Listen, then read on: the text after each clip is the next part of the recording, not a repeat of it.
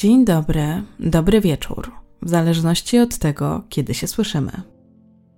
Dziś przygotowałam dla Was odcinek z serii Niebezpieczna sieć, ale tym razem będzie trochę inaczej, bo nie omówię jednej sprawy, a trzy. Myślę, że są to dosyć nietypowe sprawy, a to, co je będzie łączyć, to to, że wszystkie wydarzyły się w Japonii. Oczywiście też wspólnym mianownikiem jest to, że każda z nich miała swój początek w internecie. Jednak w przypadku każdej z nich internet odegrał zupełnie inną rolę. To, co jest też dla mnie zastanawiające, to to, że ogólnie Japonia jest powszechnie uważana za niezwykle bezpieczny kraj. Charakteryzuje się niskim wskaźnikiem przestępczości, a jednak, kiedy już dochodzi tam do zbrodni, to często okazują się być wyjątkowo makabryczne i trudne do zrozumienia. Zanim jednak przejdziemy do omówienia tych spraw, to chciałam Was poinformować, że napisałam e-booka. Nazywa się Siedem dzieci, które zabiło przed osiemnastką. I tego e-booka możecie pobrać bezpłatnie. Wystarczy, że zapiszecie się na newsletter, linka znajdziecie w opisie. A jeśli wolicie e-booka w formie audiobooka, to również jest taka możliwość, ale dostępna tylko dla patronów i osób wspierających na YouTube. Docelowo takie e-booki będę tworzyć właśnie dla patronów, więc jeśli Was to zainteresuje, to zapraszam do dołączenia. Linka znajdziecie również w opisie. A teraz zapraszam Was do wysłuchania dzisiejszych historii.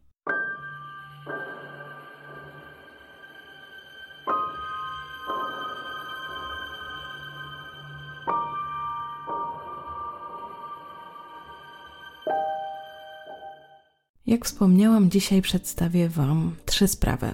Pierwsza z nich dotyczy Hiroshiego Maejo. I z góry przepraszam, jeśli źle wymawiam, ale nie czuję się zbyt dobrze w japońskim. Mężczyzna polował na swoje ofiary przez pewien portal i to, co Was może zaskoczyć, to to, że nie był to wcale portal randkowy. Druga sprawa dotyczy Takahiro Shiraishi, który znalazł sobie bardzo nietypową pasję – a następnie wykorzystał Twittera, by zaspokoić swoje nietypowe życiowe pragnienia.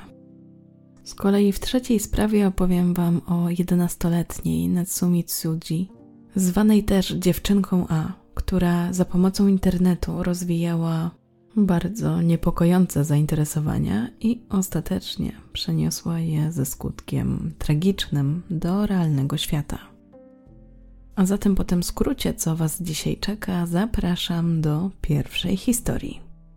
Sprawa Hirosiego Maejo, zwanego internetowym mordercą, ujrzała światło dzienne w 2005 roku, a dokładniej 23 lutego.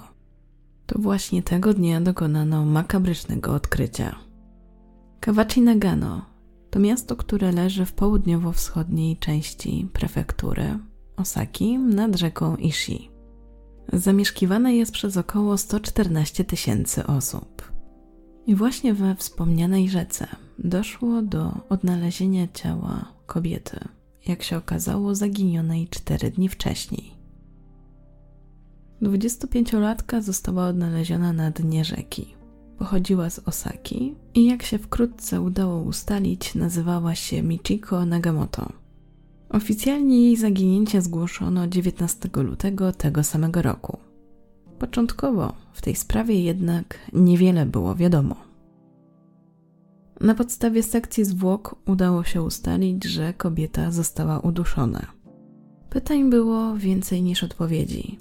Śledczy musieli ustalić, czy tego dnia miała się z kimś spotkać, czy może padła ofiarą przypadkowego mordercy. Na razie na te pytania nie było odpowiedzi. Jedyne właściwie czym dysponowali śledczy to byli odciski palców innej osoby, które znaleziono na jej ciele.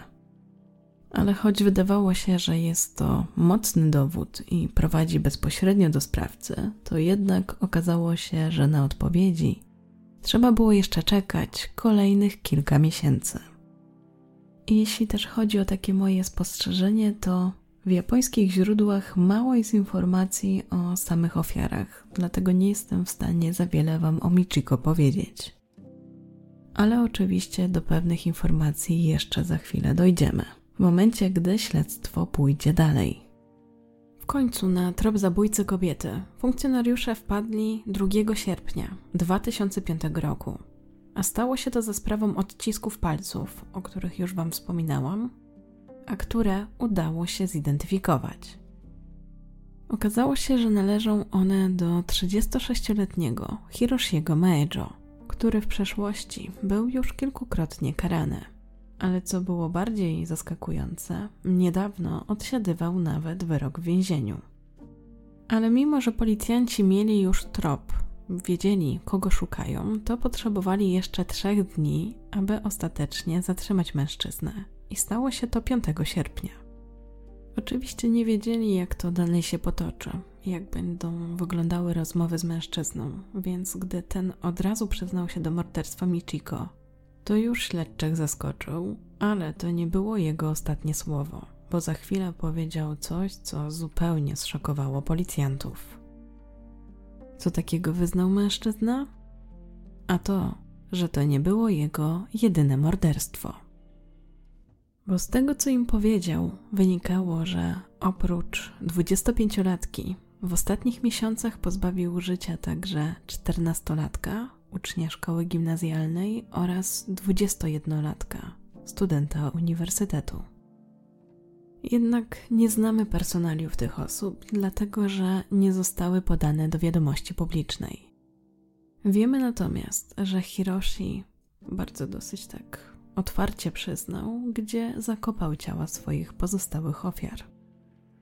Z jego wypowiedzi wynikało także, że nawet miał nagrać te zabójstwa dla własnej przyjemności, żeby później właśnie je oglądać. Początkowo śledczy brali pod uwagę, że mężczyzna może mijać się z prawdą, ale dosyć szybko wyszło na jaw, że nie kłamał. Nie potrzeba było wiele czasu, aby śledczy odkryli szczątki i nastolatka, i studenta. I tak przy okazji było to w zasadzie niedaleko miejsca, gdzie wcześniej odnaleziono zwłoki Michiko. Było to bardzo zaskakujące odkrycie i sprawiło, że przed policjantami pojawiły się kolejne pytania. Dlaczego Hiroshi wybrał akurat tę osobę? Co łączyło ofiary? Na pierwszy rzut oka wydawało się, że zupełnie nic. Co mogło więc nim kierować? Do tego za chwilę wrócimy, ale najpierw opowiem Wam, kim był Hiroshi. Mężczyzna urodził się 8 sierpnia 1968 roku w Osace, a zatem w 2005 roku miał 37 lat. Możemy o nim znaleźć informację, że miał dość wysokie IQ, które wynosiło 128 punktów. Był zatrudniony jako pracownik tymczasowy w firmie, która zajmowała się budową i remontami.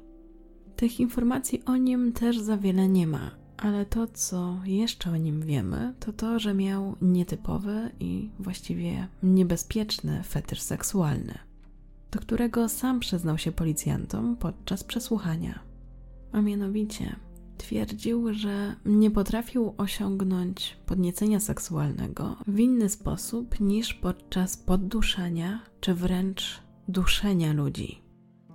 Twierdził, że ta jego potrzeba rozwinęła się u niego w wyniku przeczytania w dzieciństwie pewnej powieści z wymownymi ilustracjami.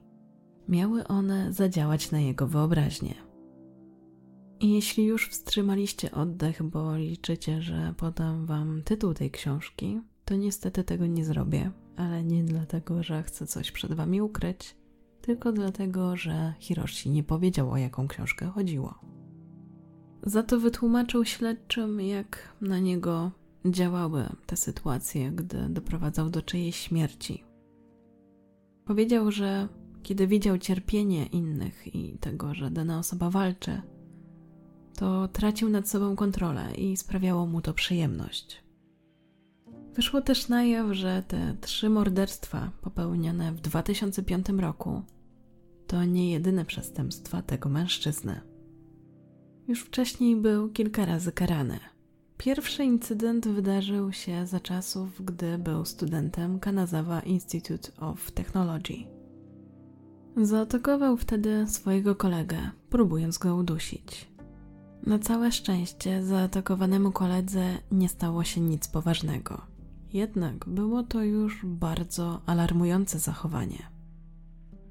Ale zanim ten incydent został odkryty, Hiroshi sam zarzucił studia w 1988 roku.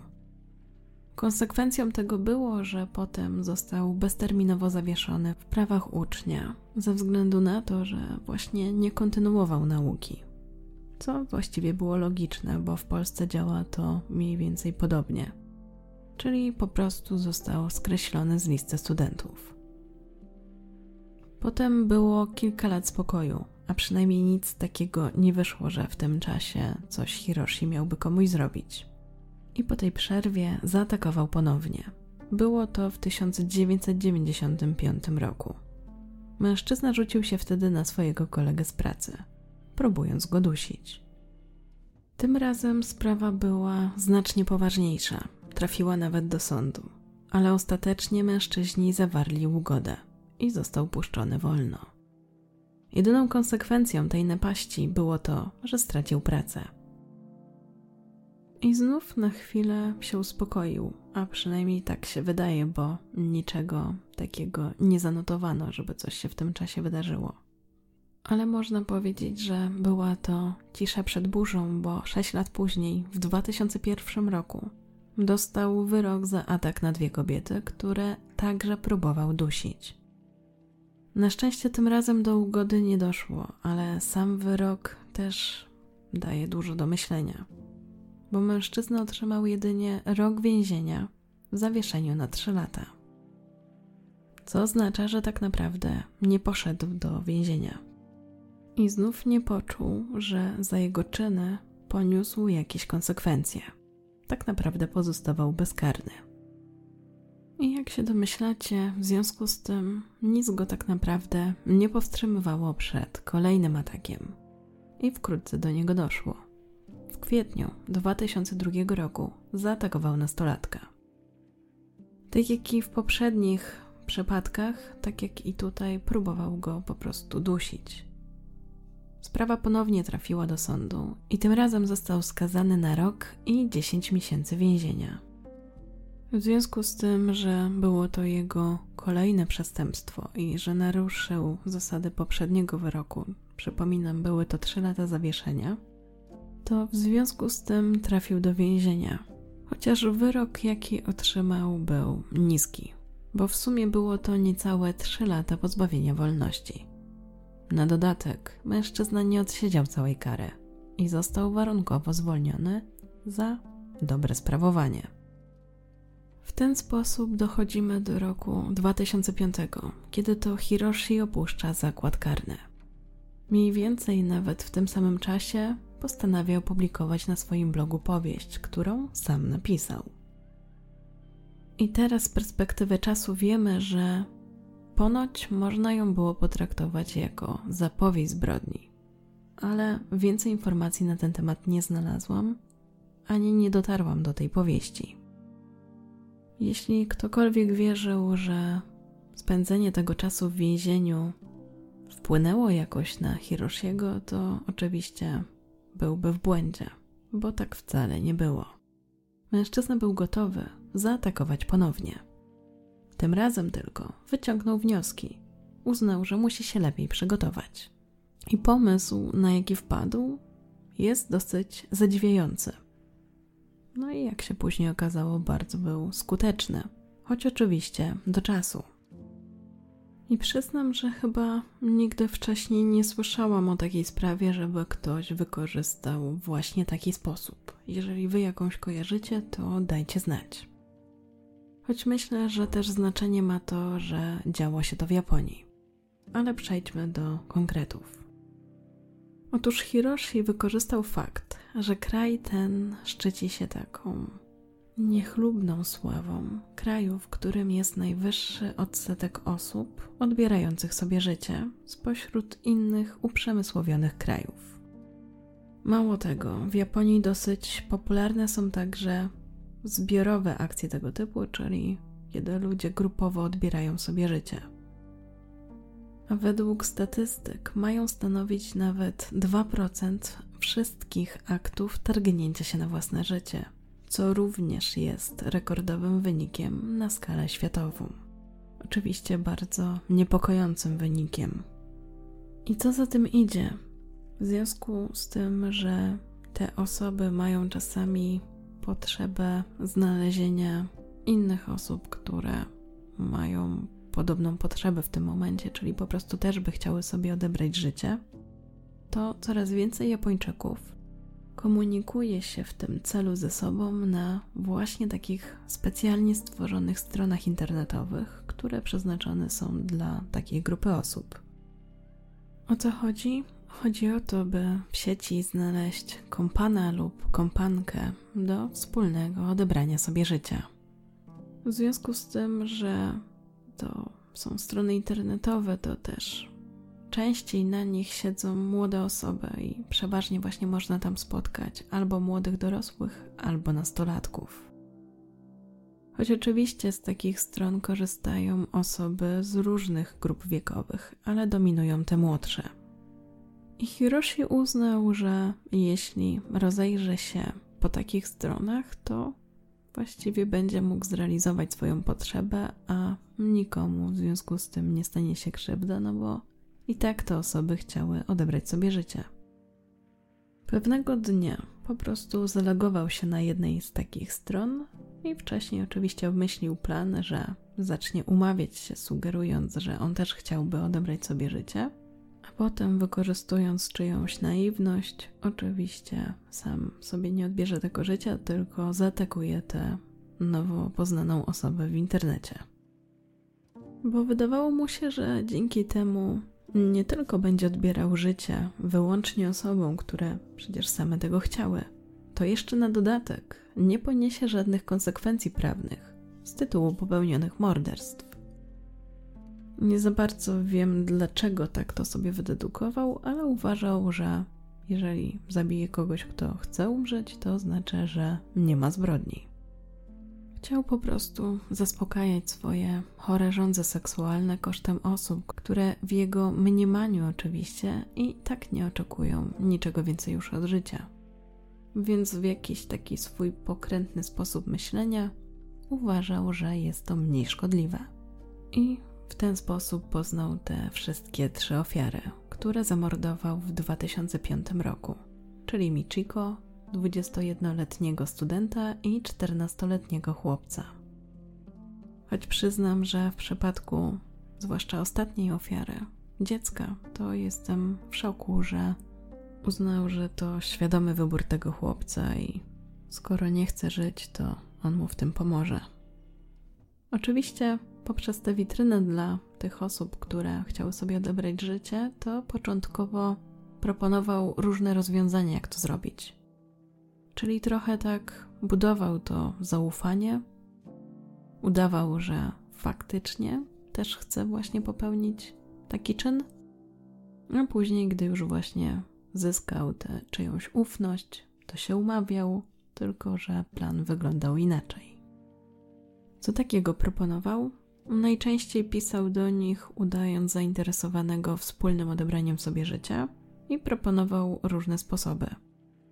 Przeważnie wybierał użycie palnika na węgiel drzewny w jego zaplombowanym samochodzie, czy też według innych źródeł garażu. Chodziło oczywiście o to, aby doprowadzić do zatrucia tlenkiem węgla, czyli potocznie zaczadzenia. Kiedy ofiary pojawiały się w domu Hiroshiego, to ten rzucał się na nie, dusił je gołymi rękami, a w ten sposób osiągał erekcję i zaspokojenie seksualne. Podniecał go zwłaszcza widok walczących o życie osób i cierpienie na ich twarzy. Następnie mężczyzna ukrywał zwłoki swoich ofiar i zaczynał polowanie od nowa. Pozbawienie życia tych trzech osób zajęło mu cztery miesiące. Więcej o przebiegu tych morderstw w zasadzie nie wiemy, bo policja odmówiła komentarza w tej sprawie. Następnie doszło do procesu, a zatem już w zasadzie kolejnego procesu w życiu Hiroshiego, i tym razem było już jasne, że czeka go bardzo surowa kara.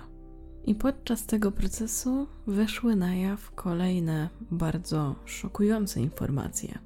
Otóż okazało się, że mężczyzna ma jeszcze jedną taką tajemnicę, a właściwie fantazję.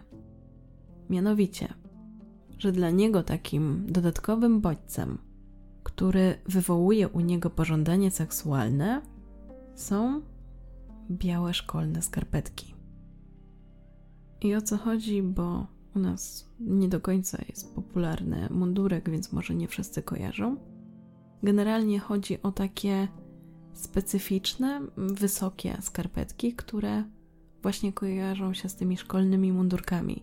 Często możecie kojarzyć z jakichś seriali, jak dziewczynki mają cały mundurek, mają spódniczkę i takie właśnie długie białe skarpetki. No to właśnie to jest to, co go tak podniecało. Skąd się u niego wzięła taka fascynacja tymi białymi skarpetkami? Wynikało to z tego, że gdy był jeszcze uczniem, to fantazjował o duszeniu młodej dziewczyny, która nosiła właśnie takie skarpetki. I w tym czasie w jego szkole odbywała swoją praktykę pedagogiczną.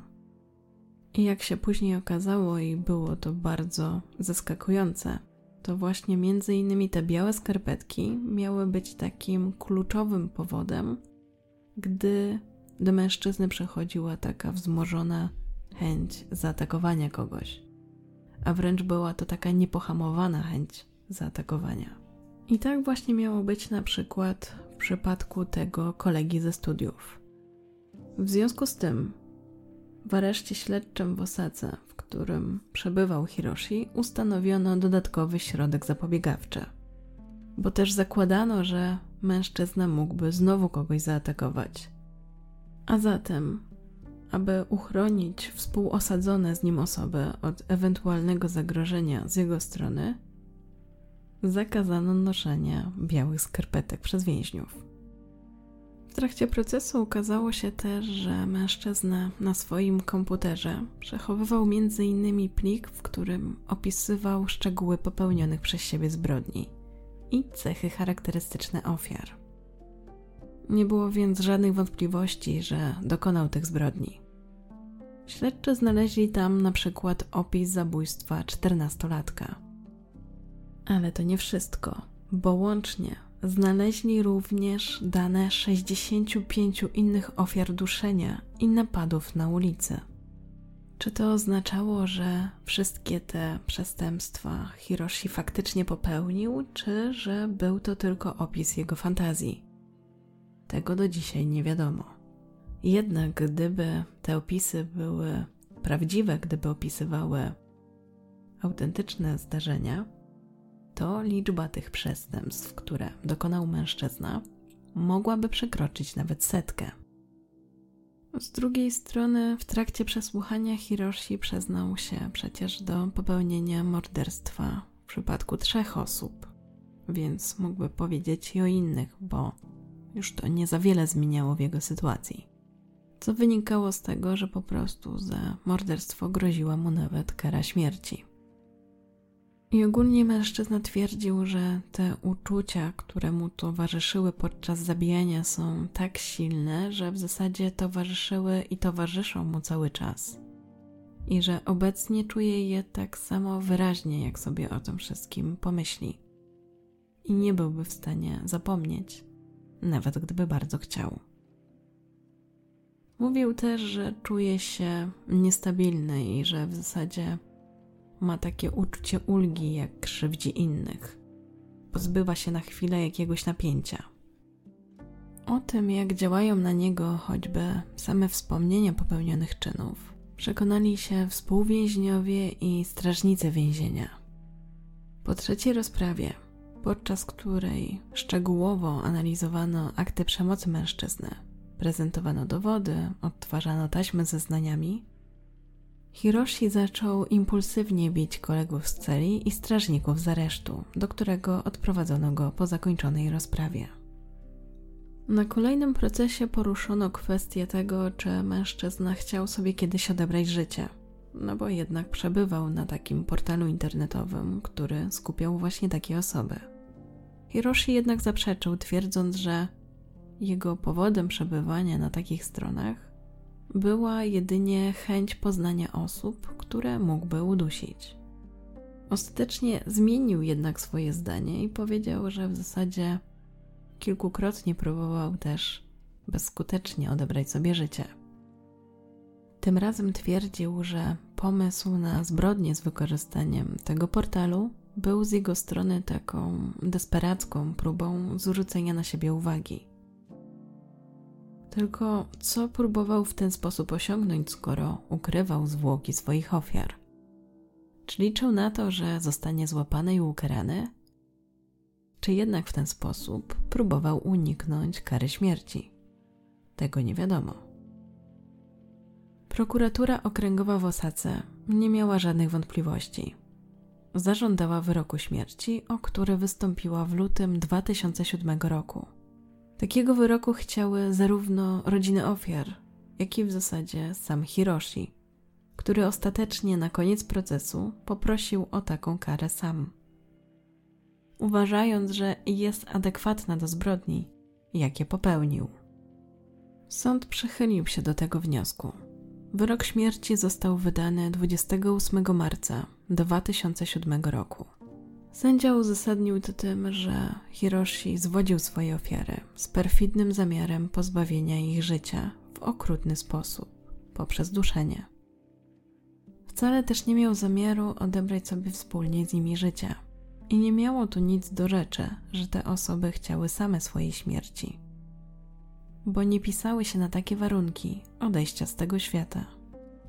Zamiast tego, jak to sobie wyobrażali, czyli takiej spokojnej i dosyć łagodnej śmierci poprzez zaczadzenie, co byłoby poprzedzone utratą przytomności, ofiary cierpiały, będąc brutalnie duszone.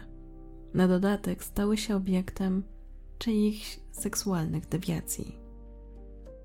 Zdaniem sądu została im odebrana godność, ale też prawo wyboru sposobu swojej śmierci i ewentualnej zmiany zdania w sprawie zakończenia życia. Hiroshi wykorzystał słabość tych osób, skazując je na śmierć w męczarni. Wzięto pod uwagę także fakt, że mężczyzna nie docenił tego, że już wcześniej był bardzo łagodnie potraktowany.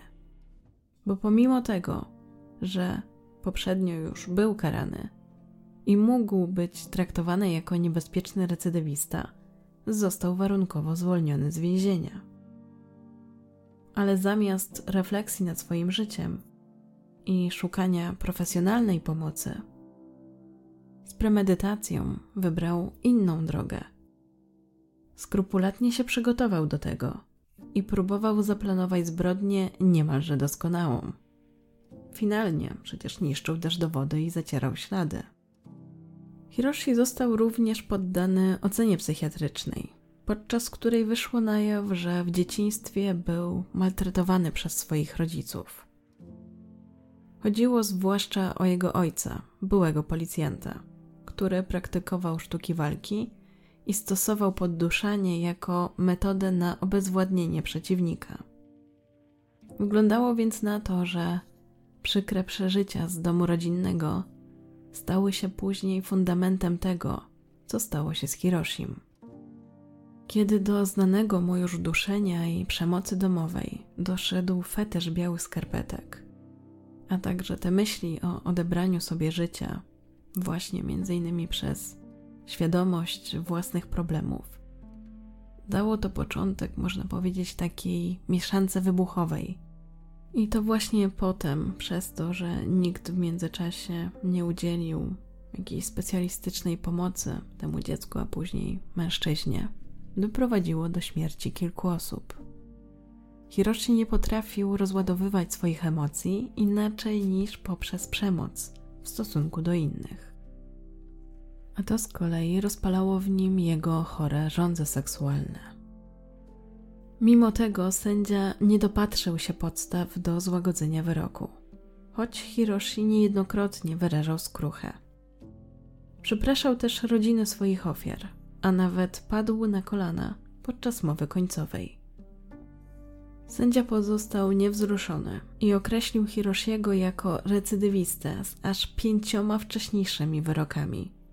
przy czym zwrócił uwagę na fakt, że wszystkie zbrodnie były podobne. Co też świadczyło o tym, że mężczyzna nie wyciągnął żadnych wniosków i nie starał się poprawić. Dla sądu było to oczywiste, że te niebezpieczne zachowania oskarżonego są tak mocno zakorzenione w nim, że nie można już nic z tym zrobić i też trudno to jakkolwiek skorygować. Więc perspektywy resocjalizacji w jego przypadku są wyjątkowo nierokujące. Sędzia zwrócił również uwagę na fakt, że kara śmierci w tym przypadku jest pożądana zarówno przez rodzinę, jak i samego sprawcę. A zatem będzie to sprawiedliwe.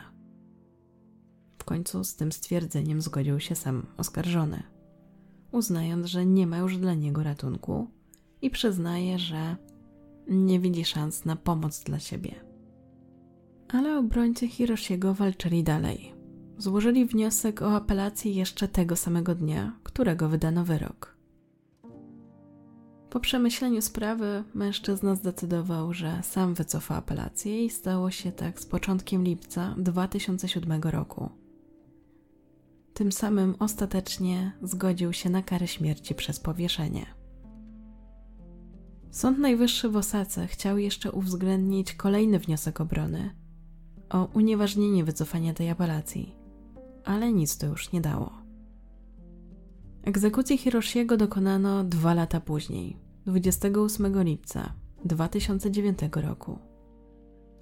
Tego samego dnia stracono też innego więźnia, Yukio Yamajiego, który został skazany na karę śmierci za zabójstwo dwóch sióstr z Osaki. Mężczyzna, poza tym, że był okrutnym mordercą i mocno niestabilnym emocjonalnie człowiekiem, umiał też wykorzystać pewien trend. W tym przypadku umawianie się właśnie na to zbiorowe odbieranie sobie życia. A ten trend chciał wykorzystać do własnych perwersyjnych celów. Jednak takich osób, które polują na swoje ofiary przez internet jest znacznie więcej. Co też na pewno wiecie, bo jest to kolejny odcinek serii Niebezpieczna sieć. O historii Hiroshiego to wszystko, a teraz zapraszam Was zatem do wysłuchania drugiej sprawy, czyli historii Takahiro Shiraishi. Mężczyzny, który na swoje ofiary polewał na Twitterze. Jak do tego doszło? Zacznijmy od początku, czyli od tego, kim był Takahiro. Mężczyzna przyszedł na świat 9 października 1990 roku w miasteczku Zama. Były to przedmieścia stolicy Japonii, czyli Tokio. Nie był jedynakiem, miał młodszą siostrę. W dzieciństwie opisywany był jako cichy i skromny. Jeśli chodzi o naukę, to nie radził sobie jakoś zbyt dobrze – Starał się, ale wychodziło mu to różnie. Przeważnie nie otrzymywał zbyt dobrych stopni.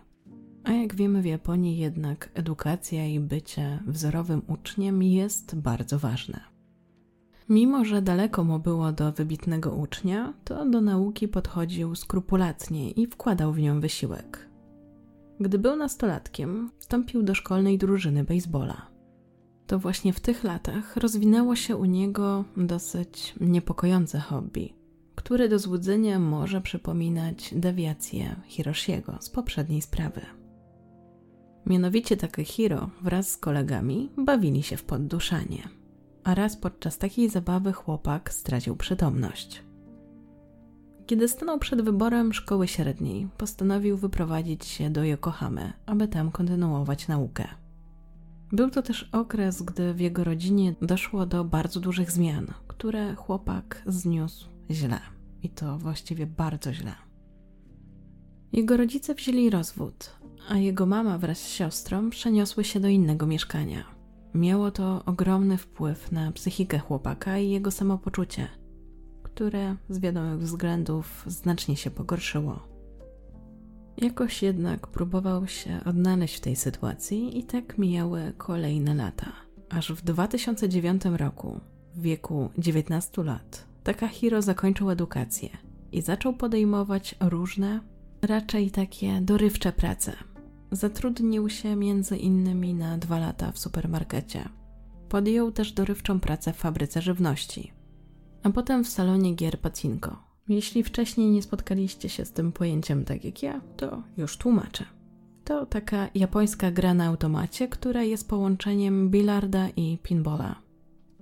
Po tych wszystkich doświadczeniach młody mężczyzna czuł się zniechęcony niskimi zarobkami przy właściwie dość dużej ilości pracy i postanowił, że czas znaleźć sobie inne zajęcie, zdecydowanie lepiej płatne i mniej męczące.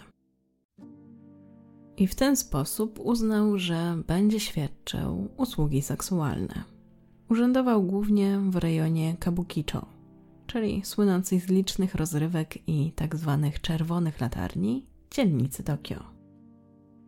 Szybko dostrzegł w tym potencjał, że w zasadzie nie tylko sam może sprzedawać swoje ciało, ale również może werbować młode kobiety i właśnie zachęcać je do robienia tego samego w klubach nocnych. Doprowadziło to do tego, że lokalni mieszkańcy zaczęli się ostrzegać wzajemnie przed nim i jego wpływem, psując mu ostatecznie reputację, a co za tym idzie, zarobki. Ostatecznie młody mężczyzna został aresztowany w lutym 2017 roku przez policję i baraki za naruszenie prawa. Nie znalazłam dokładnie informacji, za co dokładnie został aresztowany, ale z tego co wyczytałam, było to związane z bezpieczeństwem i ochroną pracy. Czyli prawdopodobnie właśnie z nagabywaniem młodych kobiet i zachęcaniem ich do podjęcia np. nielegalnej pracy. Choć został zatrzymany, to z aresztu wyszedł za kaucją opłaconą przez swojego ojca, a na wyrok oczekiwał w domu. Po tym incydencie ojciec Takahiro zaczął go namawiać, by spróbował znaleźć jakieś zajęcie na pełen etat i może czas się też ustatkować. Liczył, że w ten sposób jego syn więcej nie wpadnie już w podobne kłopoty. Ale Takahiro ani myślał o tym słyszeć. Uznał, że albo znajdzie sposób, żeby się szybko wzbogacić, albo odbierze sobie życie. Bo to, co przez ten czas zrozumiał, to to, że nie warto się zacharowywać i nic z tego nie mieć. Też tak przy okazji nie chodziło jedynie o jego doświadczenia, ale po prostu obserwował również swojego ojca i takie właśnie miał o nim zdanie, że całe życie poświęcił pracy i praktycznie nic z tego nie ma. Nie chciał iść w jego ślady. I znów był to dla niego bardzo trudny okres. Na tyle na niego wpłynął, że ponownie zaczął myśleć o tym, czy nie odebrać sobie życia, a wręcz popadł w tym temacie w obsesję. Co zresztą, jak przy poprzedniej sprawie Wam już omawiałam, w Japonii nie jest niczym nadzwyczajnym obecnie, niestety. Wielu, zwłaszcza młodych Japończyków, rozważa takie wyjście, nie widząc dalszego sensu tym, aby zostać na świecie. Ale na razie mężczyzna się na to nie zdecydował. W okresie od marca do sierpnia 2017 roku praktycznie nie pracował. Podjął jedynie dorywczą pracę przez pewien czas w magazynie. Co robił, gdy nie pracował? Głównie zajmował się dobrą zabawą i rozrywkami. A w wolnych chwilach knuł już kolejny plan, który pozwoliłby mu w końcu żyć w dostatku, nie pracując zbyt wiele. Postanowił, że pomysłu poszuka w internecie i przeczesywał go całkiem intensywnie, aż właśnie znajdzie jakiś genialny pomysł na to, by błyskawicznie zarobić. W końcu na coś wpadł. 15 marca założył na Twitterze dwa konta. Jedno z nich nosiło nazwę Hangman Pro, co można przetłumaczyć jako profesjonalny wisielec, i poprzez to konto oferował różnym osobom, które rozważały odebranie sobie życia, swoją profesjonalną pomoc, w tym, aby komfortowo i szybko odejść z tego świata. Czyli trochę tutaj też ta historia jest podobna do poprzedniej. Mamy taki trochę wspólny element. I choć myślę, że może nas to dziwić w Polsce, że ktoś ma taki pomysł, to jednak w Japonii został przyjęty dosyć pozytywnie. W sensie bardzo szybko znalazł osoby zainteresowane kontaktem z nim. Powoli budował coraz większą społeczność, którą miał nadzieję niebawem wykorzystać. Drugie konto nazwał, tłumacząc na polski, Chce umrzeć. I za jego pomocą opowiadał, właściwie taką tworzył historię nieszczęśliwego, samotnego człowieka, który szuka kompana do tego, aby pomógł mu odejść z tego świata. A właściwie najlepiej zrobił to razem z nim, towarzysząc mu w tym. Chciał w ten sposób zwabić kobiety, które także chciałyby odebrać sobie życie. Jak potem wyznał, zbierał dzięki temu informacje o tym, jak ludzie odbierają sobie życie. Rozmawiał z różnymi takimi osobami i w ten sposób zgłębiał temat i poznawał ich motywacje. Oczywiście nie był bezinteresowny, bo traktował to trochę jak takie badania do wyciągnięcia danych, z których później zamierzał skorzystać. I to w bardzo okrutny sposób. Pod koniec maja Takahiro otrzymał wyrok. Usłyszał, że na rok i dwa miesiące zostaje pozbawiony wolności, ale w zawieszeniu na trzy lata. I znów, tak jak w przypadku pierwszej sprawy, tak samo tutaj, sąd potraktował go bardzo łagodnie, dając mu kolejną szansę na rozpoczęcie wszystkiego od nowa. Oczywiście Takahiro docenił tę możliwość i zamierzał wykorzystać ją maksymalnie. Tylko pewnie nie do końca tak, jakby sobie tego sąd życzył. Po tym wyroku jeszcze mocniej skupił się na swojej działalności na Twitterze – by zacząć w końcu czerpać z niej korzyści. Teraz czuł się bezkarny. Jeśli zastanawiacie się, w jaki sposób mężczyzna chciał zarabiać na tych kobietach, które chciały odebrać sobie życie, to odpowiedź jest całkiem prosta. A mianowicie w taki, jaki już znał i jaki praktykował.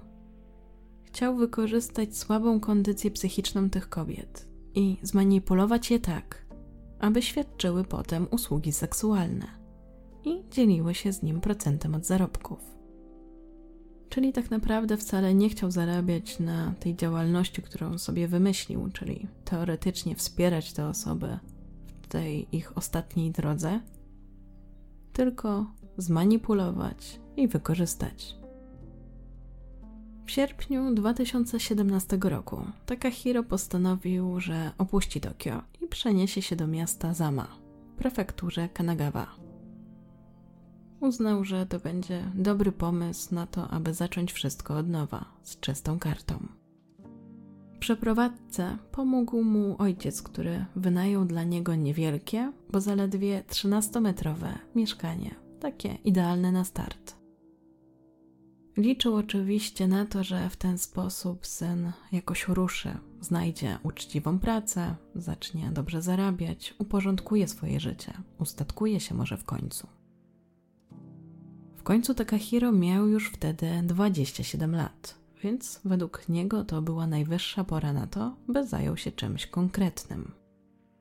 Oczywiście mężczyzna ani myślał działać tak, jak to sobie ojciec wyobraził. On już miał swój plan – do podpisania umowy w sprawie wynajmu mieszkania doszło dokładnie 18 sierpnia. Cztery dni później, 22 sierpnia, Takahiro się tam wprowadził. I podkreślam tę datę nie bez powodu. Jest to ważna data, ale do tego jeszcze za chwilę dojdziemy. Mieszkanie było usytuowane na pierwszym piętrze. Znajdowało się w dwupiętrowym budynku, a widok z niego wychodził na linię kolejową, Odakiu Odawara Linę. Jeszcze przed przeprowadzką, a dokładniej 8 sierpnia 2017 roku, Takahiro poznał przez Twittera 21-letnią Mizuki. Gdy się poznali, dziewczyna nie była w najlepszym stanie. Chorowała na depresję. Ponurym myślom, które jej towarzyszyły, sprzyjał też zawód, który wykonywała. Mizuki była pielęgniarką w domu opieki i codziennie miała sposobność obserwowania, jak życie bywa niesprawiedliwe i trudne. Bała się przyszłości i w internecie deklarowała, że wolałaby odebrać sobie życie. Gdy Takahiro zobaczył, co pisze, to uznał, że to właśnie takich kobiet szuka. Natychmiast musiał się z nią skontaktować. Niewiele się zastanawiając, napisał do niej. Zaczęli mieć regularny kontakt, a następnie spotkali się osobiście. Para dogadywała się bardzo dobrze i chętnie ze sobą spotykała. Jednak dla Mizuki była to jedynie koleżeńska relacja, więc kiedy jej nowy znajomy zaproponował jej seks, stanowczo mu odmówiła. Lubiła też swojego nowego kolegę. Ten szybko zdobył jej zaufanie, co możemy zobaczyć choćby poprzez to, że już na początku znajomości pożyczyła mu pieniądze na płacenie czynszu w jego nowym mieszkaniu. Znalazłam informację, że chodziło o kwotę 510 tysięcy jenów, czyli w przeliczeniu na złotówki ponad 16 tysięcy złotych. Jak wspomniałam, była to pożyczka, więc kobieta oczywiście oczekiwała, że te pieniądze zostaną jej zwrócone. Ale Takahiro nie wydawał się spieszyć z oddaniem długu. Więc gdy poczuła, że ta sytuacja robi się dla niej niekomfortowa, to po prostu upomniała się o swoje pieniądze. Mężczyzna się wtedy zdziwił i zapytał, do czego są jej potrzebne, skoro i tak chce odebrać sobie życie. Z kolei dla Mizuki była to taka bardzo dziwna argumentacja. Odpowiedziała, że po prostu takie są zasady. Pożyczy, więc się zwraca. I to, czy ona chce dalej żyć, czy nie, to w ogóle nic do tego nie ma. Tym faktem zdecydowanie rozwścieczyła Takahiro, który uznał, że to uderza w jego dumę. Niewiele myśląc, rzucił się na Mizuki i zaczął ją dusić. A kiedy ta straciła przytomność, zakneblował ją, związał i wykorzystał seksualnie. Jeszcze żywą dziewczynę powiesił na belce w swoim mieszkaniu. To zabójstwo było początkiem jego morderczego szału. Na tym jednak nie poprzestał. Zabrał też cenne rzeczy Mizuki, a następnie rozczłonkował jej ciało, spakował wnętrzności do worków na śmieci i wyrzucił. Pozostałe fragmenty ciała rozdzielił do przenośnych lodówek i schładzanych pojemników, które poukładał w swoim mieszkaniu. I tutaj przypomina mi się trochę ostatnia polska sprawa, jaką Wam omawiałam, czyli sprawa Bogdana Arnolda. I tu też w tym kontekście przypominam, że była to kawalerka mierząca zaledwie 13 metrów kwadratowych. Ale jeśli myślicie, że mężczyzna zadziałał pod wpływem emocji i był to przypadkowy mord, to nie, bo potem się okazało, że wcześniej był już na to przygotowany. Między innymi zaopatrzył się w piłę mechaniczną. W sensie nie było tak, że tego dnia planował, że kogoś zabije, ale nie mógł się trochę tak doczekać, aż zrealizuje swój plan, bo przechodziło mu to przez głowę. Dlatego się przygotowywał. A teraz po prostu nadarzyła się ku temu okazja. Zwłaszcza obserwując jego późniejsze zachowanie, możemy zauważyć, że w zasadzie nie zrobiło to na nim żadnego wrażenia bo mężczyzna zachowywał się tak, jakby zupełnie nie przejął się śmiercią Mizuki. Jak gdyby nigdy nic, po prostu wśród jej rozczłonkowanego ciała z powrotem zasiadł do Twittera i szukał dalej. Rozglądał się za kolejną ofiarą, naiwną młodą kobietą, którą udałoby mu się urobić. Niestety, szybko na taką trafił. Kolejną młodą kobietą, z którą nawiązał kontakt, a właściwie jeszcze nastolatką, była piętnastoletnia Kurecha. Tym razem chyba już przestał nawet udawać sam przed sobą, że chodzi tu głównie o pieniądze. Bo teraz jego zamiarem była taka perwersyjna przyjemność, którą miał, gdy zabijał. Korzyści materialne traktował jako taki bonus po prostu pozyskiwał je przy okazji, gdy okradał swoje ofiary z wartościowych przedmiotów. Podobnie jak przy poprzedniej kobiecie, dosyć szybko udało mu się nawiązać kontakt z Kurechą, a następnie zaprosić ją do siebie. Nastolatka w jego domu pojawiła się 28 sierpnia 2017 roku. Była bardzo podekscytowana nową znajomością. Jednak na swój sposób czuła, że Jest to jakieś niebezpieczeństwo. Przecież była nastolatką, a wybierała się samotnie do domu mężczyzny poznanego przez internet. Dorosłego mężczyznę. Mimo tego zaryzykowała. I to był jej największy błąd, bo Takahiro zrobił z nią dokładnie to samo, co z Mizuki. Wkrótce nieobecnością Kurechy zainteresował się młody chłopak, Ishizon, który też zdążył już poznać Takahiro. Zapytał więc mężczyznę, co się stało z piętnastolatką, bo wiedział, że oni mieli ze sobą kontakt. Takahiro poczuł, że traci kontrolę, dlatego uznał, że musi zaprosić do domu chłopaka i pod pretekstem, że porozmawiają, oczywiście pozbędzie się niewygodnego świadka. Bał się, że ten zacznie coś podejrzewać, więc musiał coś z tym zrobić. Wykorzystał to, że chłopak zupełnie się niczego nie spodziewał. Odebrał mu życie, a następnie rozczłonkował i rozdzielił część jego ciała do pojemników. W tym momencie jego mieszkanie naprawdę przypominało już miejsce jak z horroru. Mimo, że miał już na swoim koncie trzy ofiary, dla niego było to wciąż mało. Dlatego dalej wyszukiwał w internecie nieszczęśliwe, samotne i zdesperowane młode kobiety, które chciałyby odebrać sobie życie. I oczywiście w ten sposób wybrać kolejną ofiarę. W ciągu najbliższych dwóch miesięcy dokonał jeszcze sześciu kolejnych morderstw.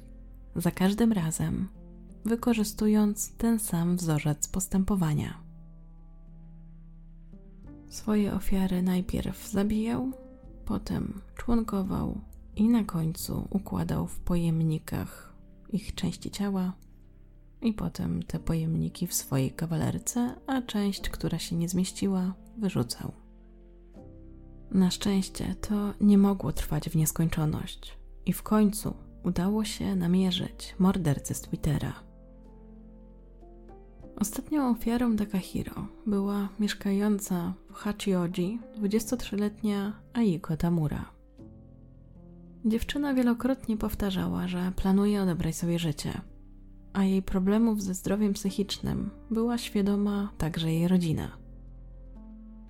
Kiedy więc w październiku 2017 roku 23-latka nagle zniknęła, było to bardzo alarmujące dla jej bliskich.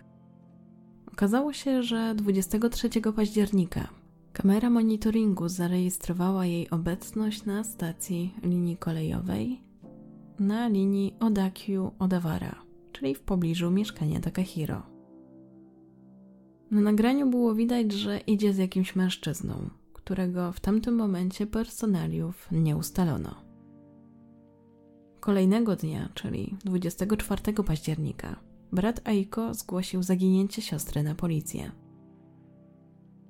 Mimo, że funkcjonariusze zaczęli działać od razu, to brat dziewczyny postanowił szukać ją na własną rękę. W tym celu uznał, że w pierwszej kolejności sprawdzi jej aktywność online.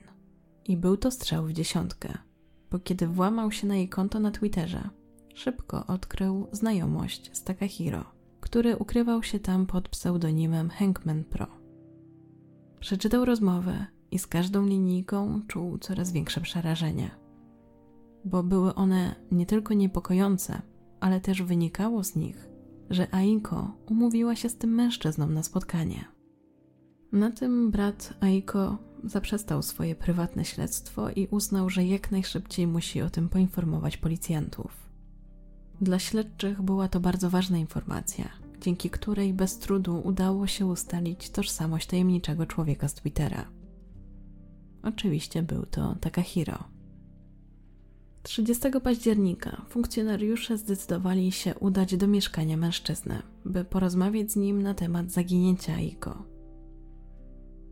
Na ten moment oczywiście podejrzewali, że może mieć coś wspólnego z jej zaginięciem, ale brali też pod uwagę, że może z tym nie mieć nic wspólnego.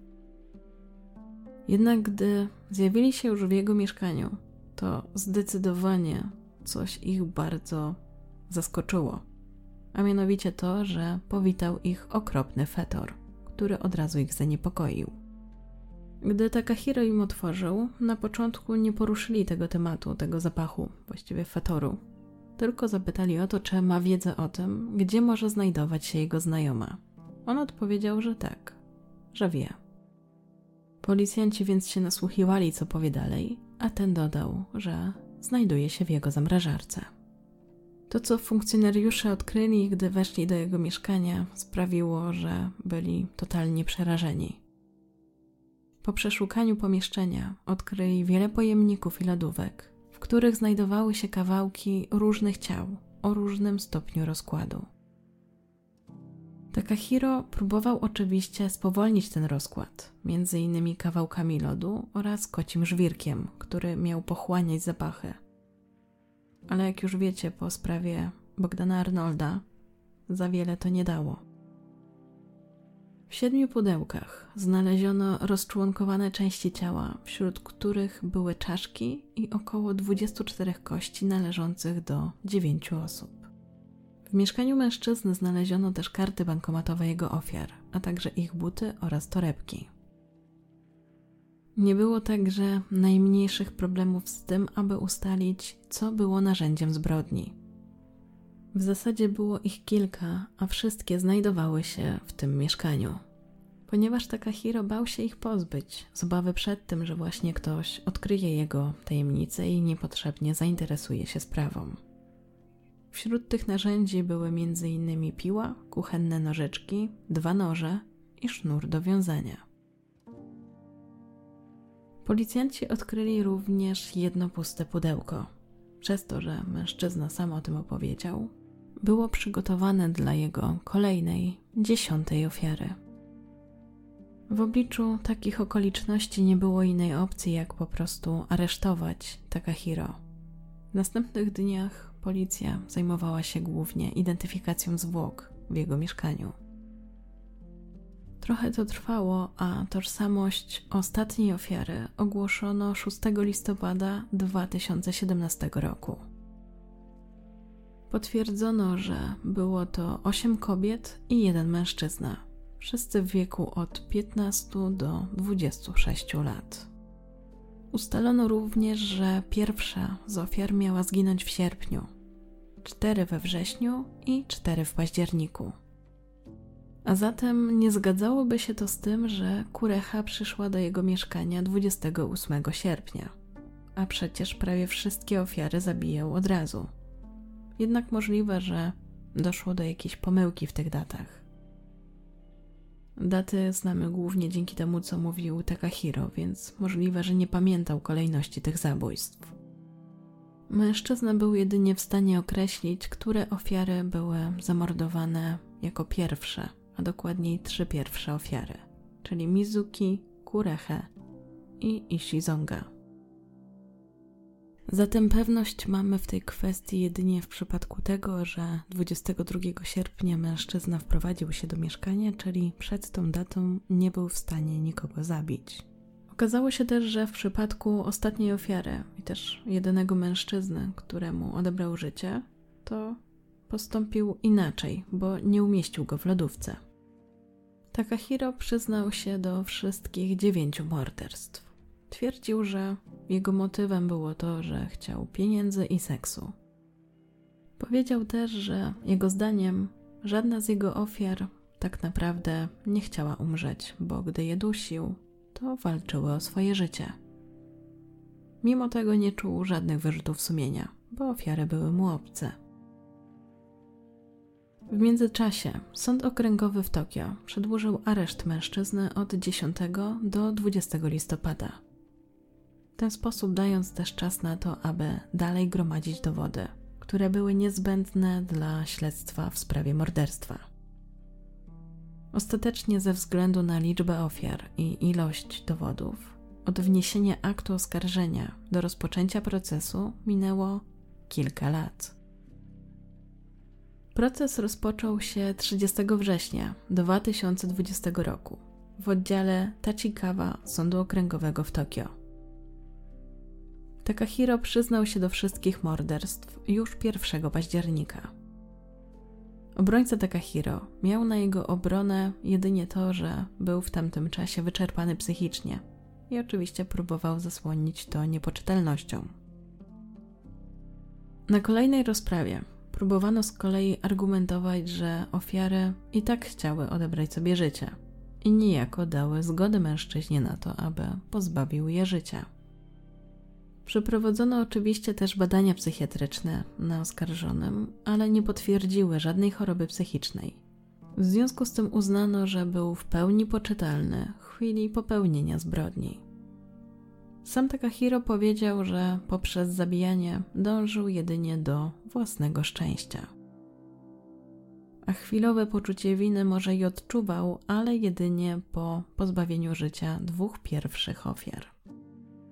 Dalej, zgodnie z tym, co mówił, działał już beznamiętnie i jedynie ulepszał swoje techniki pozbywania się zwłok. Jak twierdził, początkowo zajmowało mu to trzy dni, a potem już niecałą dobę. I brzmiało to tak, jakby naprawdę był z tego dumny. Nie chciał i nie zamierzał też przeprosić rodzin ofiar, ponieważ mówił, że nie czuje się winny. Stwierdził też, że czuje nienawiść do brata Aiko, czyli ostatniej ofiary, ponieważ przerwał jego morderczy proceder, który miał w planach dalej kontynuować. Rozprawa była bardzo trudna i w sądzie wypowiadały się także rodziny ofiar. Ojciec jednej z zamordowanych dziewczyn powiedział, że nigdy nie wybaczy Takahiro tego, co zrobił, nawet jeśli ten umrze. Podobnym tonie wypowiadali się także inni członkowie rodzin ofiar. Uznając, że wyrok śmierci jest zdecydowanie tym, co powinno go czekać.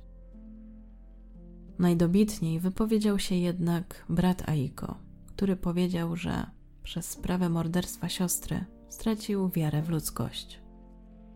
W obliczu takich okoliczności, tych wypowiedzi i tego, co mówił sam oskarżony, sąd nie miał innej opcji, jak wydać wyrok kary śmierci.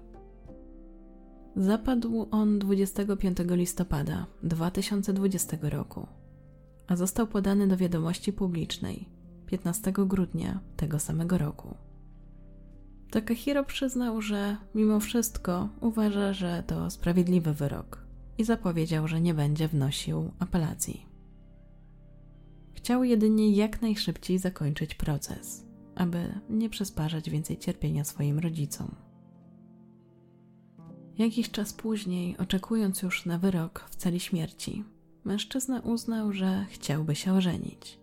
W ten sposób miałby kogoś, kto by go wspierał, nawet wtedy, gdy kara śmierci będzie już miała zostać wykonana. Na dzień dzisiejszy czyli mówimy o marcu 2023 roku, Takahiro nadal oczekuje na wykonanie wyroku. Na koniec chciałam jeszcze dodać, jaki wpływ ta sprawa miała na Twittera. Bo oczywiście miała wpływ i to dosyć spory na całą politykę mediów społecznościowych. 7 listopada 2017 roku, po tym jak mężczyzna został aresztowany, japońska filia Twittera zabroniła w ogóle publikowania wiadomości na temat odbierania sobie życia i wydała zakaz podżegania i propagowania takich treści. Ale to nie wszystko, bo sprawa mordercy z Twittera wywołała też nową debatę na temat tego właśnie, co ostatnio robi się zbyt popularne. Czyli, że w Japonii coraz więcej młodych osób, i oczywiście nie tylko, szuka w internecie kogoś, z kim odbierze sobie życie. W związku z czym zaczęła się dyskusja na temat tego i stron internetowych, które są temu poświęcone. Rozmawiano także na temat tego, jak można by pomagać takim osobom, które rozważają odebranie sobie życia. A zatem przynajmniej do czegoś dobrego się ta sprawa przyczyniła, choć oczywiście Takahiro zrobił bardzo dużo złego ale jedyne co było w tym dobrego to to, że podjęto na ten temat dyskusję. I to, co też jest kluczowe przy tej sprawie, to to, że ona wywołała taki ogromny niepokój społeczny też ze względu na to, że w całości niemal odgrywała się na Twitterze, czyli praktycznie publicznie. Jednak sieć, tym bardziej właśnie obecnie media społecznościowe, są takim miejscem, gdzie ludzie, w tym na przykład nastolatkowie, spędzają mnóstwo czasu i są podatni na wpływ innych osób i takich różnych wiadomości od nich. I jak już jesteśmy przy temacie wpływu internetu na nastolatków i dzieci, to Japonia w zasadzie zna już kilka takich historii, jak nie kilkanaście, w których ten wpływ okazał się tragiczny. Tym sposobem to wszystko na temat Takahiro, a teraz czas na trzecią historię, która właśnie jest jedną z takich historii wpływu internetu na nastolatków i dzieci.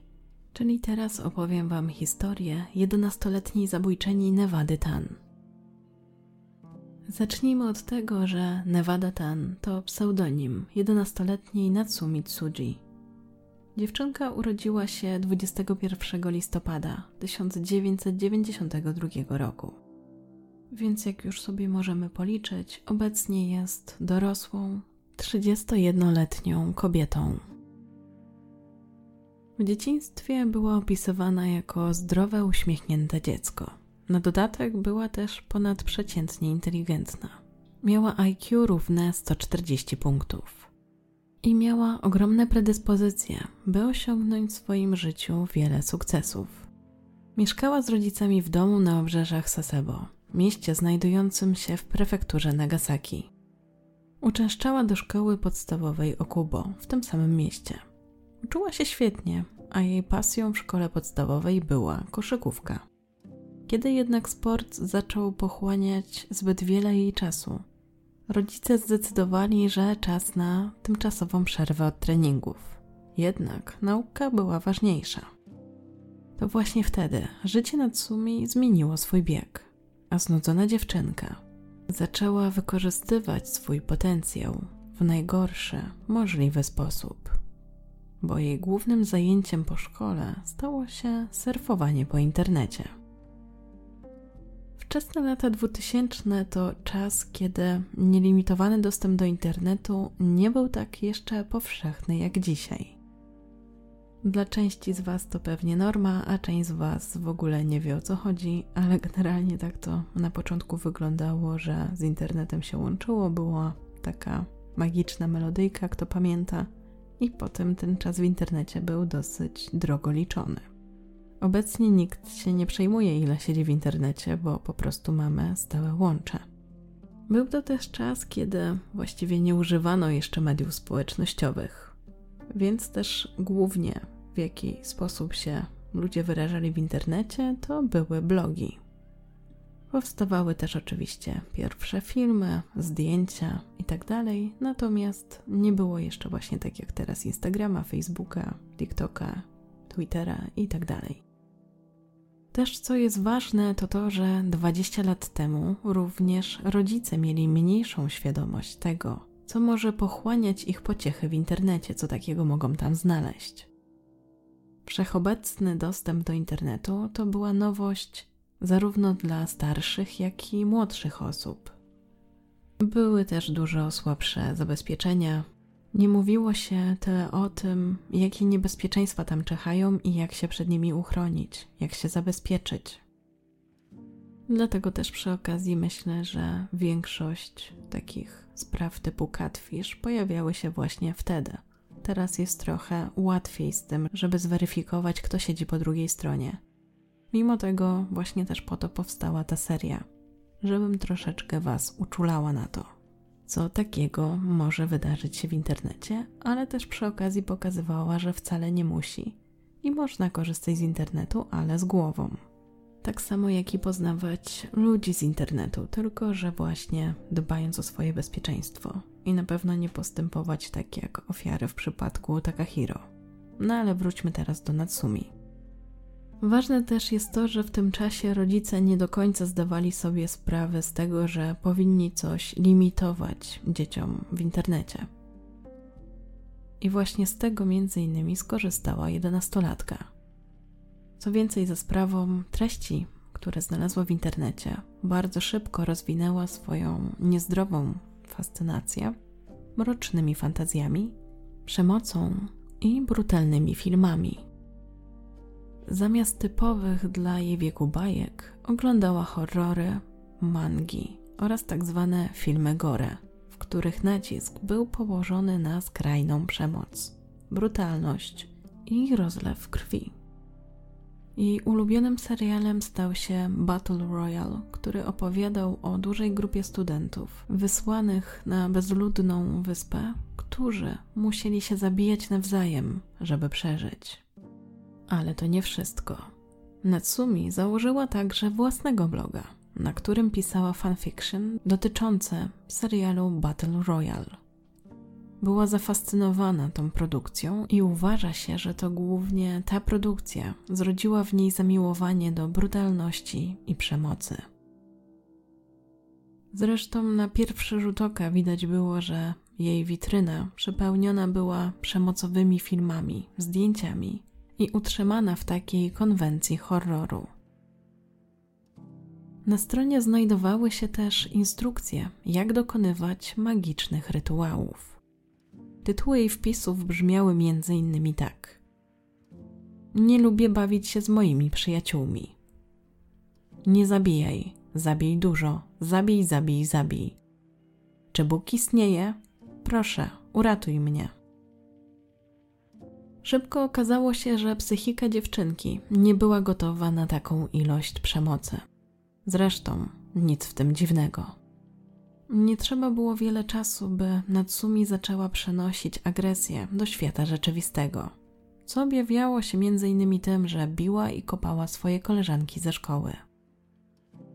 Nie radziła sobie zbyt dobrze z kontrolowaniem swoich emocji, a byle drobnostki coraz częściej wyprowadzały ją z równowagi. Znalazłam nawet informację, że w pewnym momencie doszło do incydentu z udziałem noża.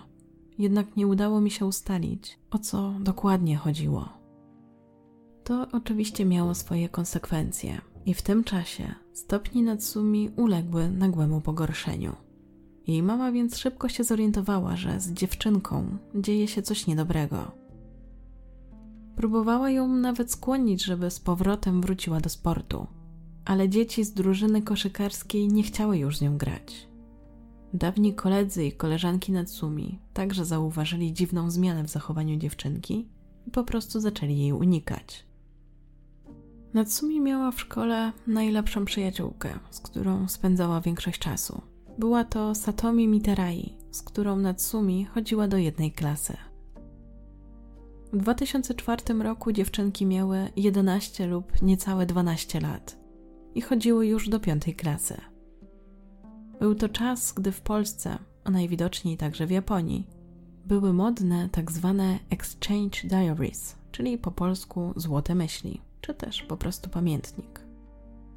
Jeśli nie wiecie o co chodzi, to już tłumaczę. Był to taki zeszyt lub ozdobny notes, który dawało się kolegom i koleżankom, żeby się do niego wpisali. Często tak było, że na przykład na pierwszej stronie były różne pytania powiedzmy 10 pytań w stylu jak masz na imię, ile masz lat, jaki jest twój znak zodiaku, czy mnie lubisz, ulubiona koleżanka, czy chcesz mi coś przekazać i tak dalej. I taki zeszyt po kolei dawało się różnym znajomym. Zbierało się oczywiście takie wpisy. Często było tak, że ktoś trochę przetrzymywał ten notatnik, więc kolejka się obsuwała, no ale generalnie była z tego wielka radość. Zwłaszcza gdy się czytało, co tam ktoś wpisał każdym razie mm, też często pojawiały się tam jakieś wierszyki, można było narysować obrazki, się podpisać. No, było to coś unikalnego. Myślę, że jakbym poszukała, to też takie jeszcze swoje złote myśli znajdę. Dajcie w ogóle znać, czy wy może coś takiego mieliście i czy macie do dzisiaj jako pamiątkę. I ogólnie na 100% nie mam pewności, czy dokładnie Natsumi używała takich złotych myśli, ale wiadomo, że taka zabawa była w tym czasie praktykowana. W każdym razie to właśnie taki pamiętnik, taki notes stał się przyczyną konfliktu pomiędzy Natsumi i Satomi. Mianowicie, Natsumi uznała, że pewna osoba używa dokładnie takich sam form wypowiedzi jak ona i bardzo jej się to nie spodobało. A wręcz wpadła z tego powodu w straszny gniew.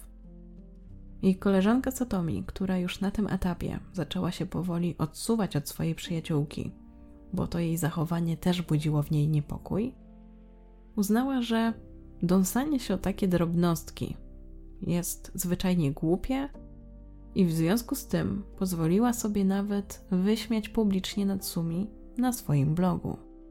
Co w związku z tym, że były przyjaciółkami, bardzo Natsumi zabolało.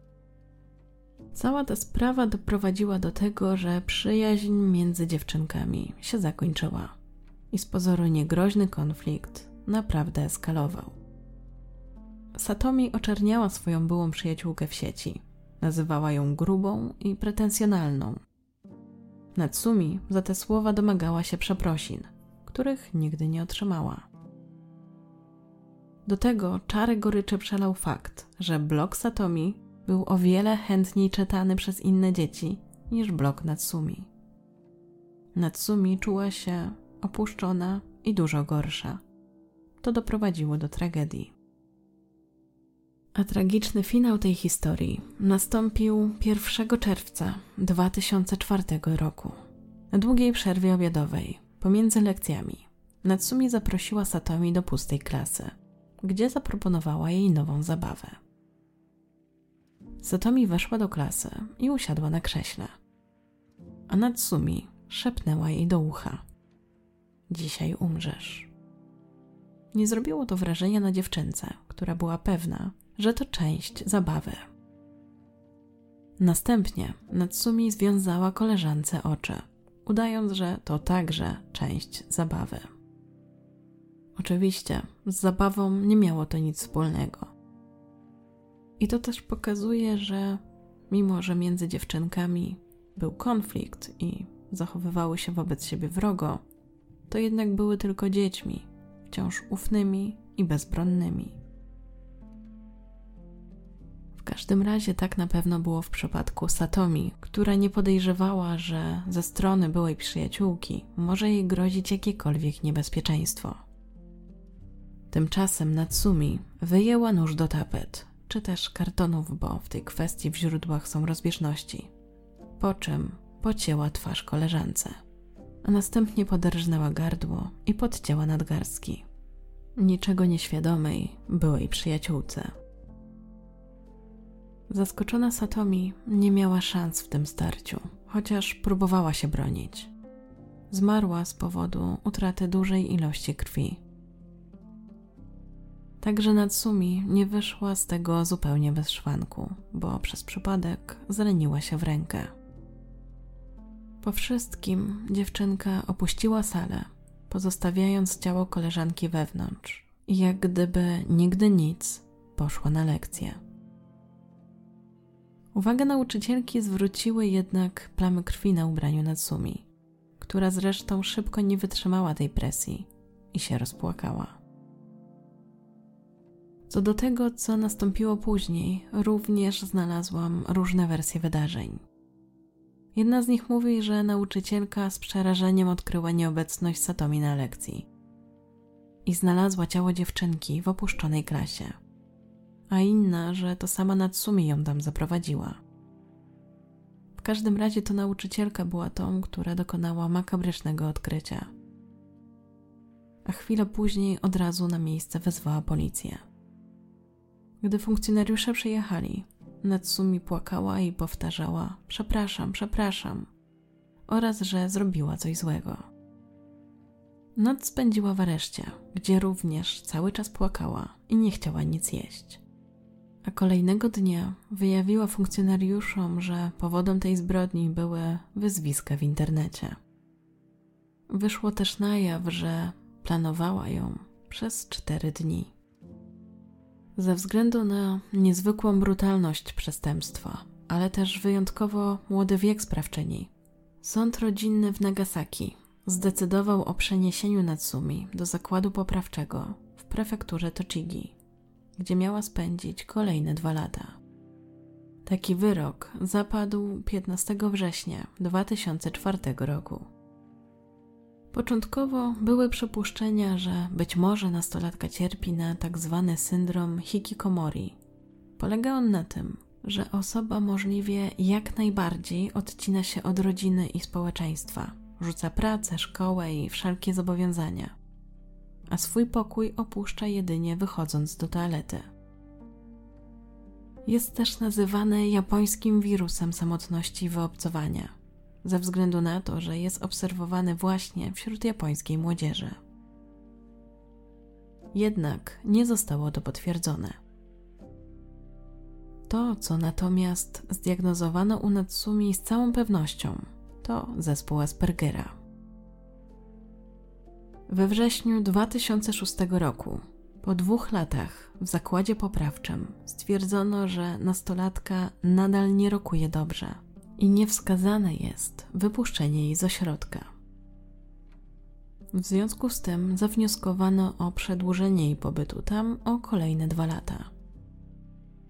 Ostatecznie Natsumi opuściła ten zakład w 2008 roku, jednak pozostała pod obserwacją przez kolejnych 5 lat. W tym czasie odbywała już tak zwany areszt domowy. Pełną wolność Natsumi odzyskała w 2013 roku, mając już 20 lat. Zmieniła wtedy personalia i wyprowadziła się z rodziną, żeby móc zacząć układać sobie życie od nowa. Nikt nie zna jej nowego miejsca pobytu. Nie wiadomo też, co robi i co się z nią dzieje.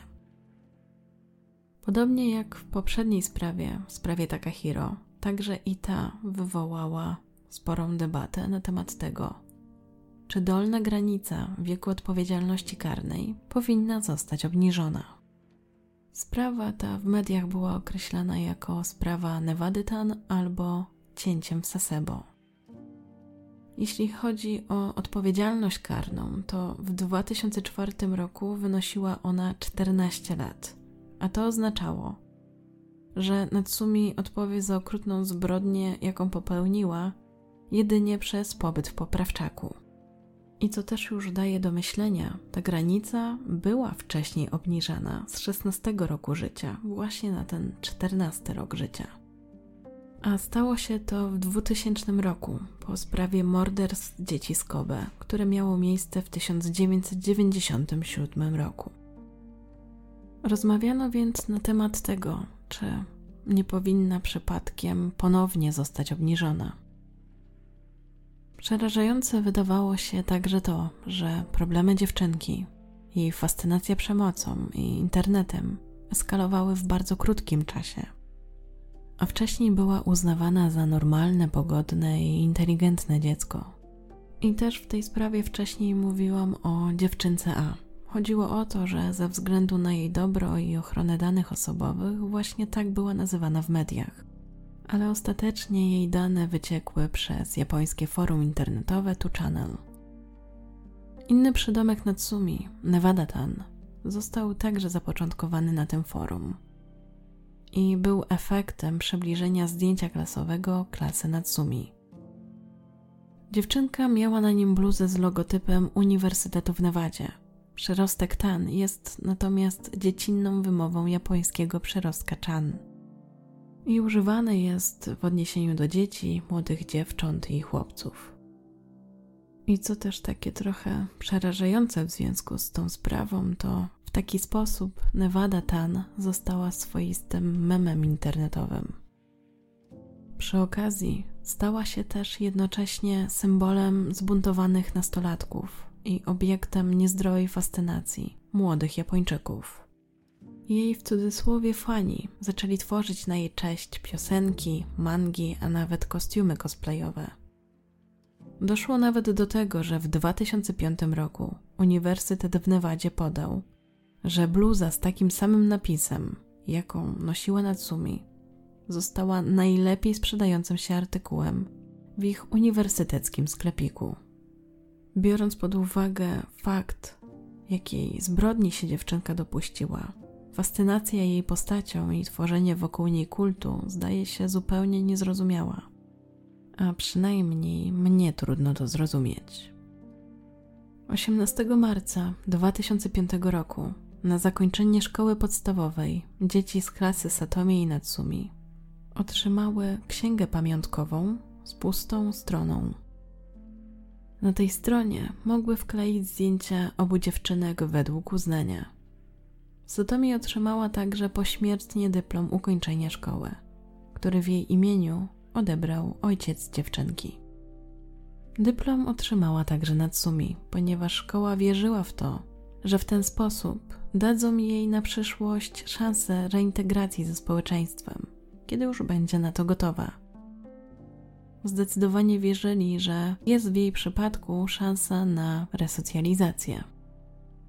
I w zasadzie nie jest to nic zaskakującego, bo dziewczynka miała zaledwie 11 lat. A zatem była jeszcze szansa, że może jakoś wyciągnie lekcję z tego wszystkiego. Ale czy tak się stało, tego, tak jak mówiłam, nie wiemy. I to już wszystkie informacje, jakie przygotowałam dla Was w dzisiejszym odcinku. Dajcie znać, która ze spraw wydaje Wam się najbardziej taka wstrząsająca, która Was najbardziej zaszokowała. A może każda zaszokowała Was czymś innym, więc jestem ciekawa Waszych przemyśleń. Nie wiem jak dla Was, ale dla mnie te historie, które dzisiaj Wam opowiedziałam, były wyjątkowo makabryczne.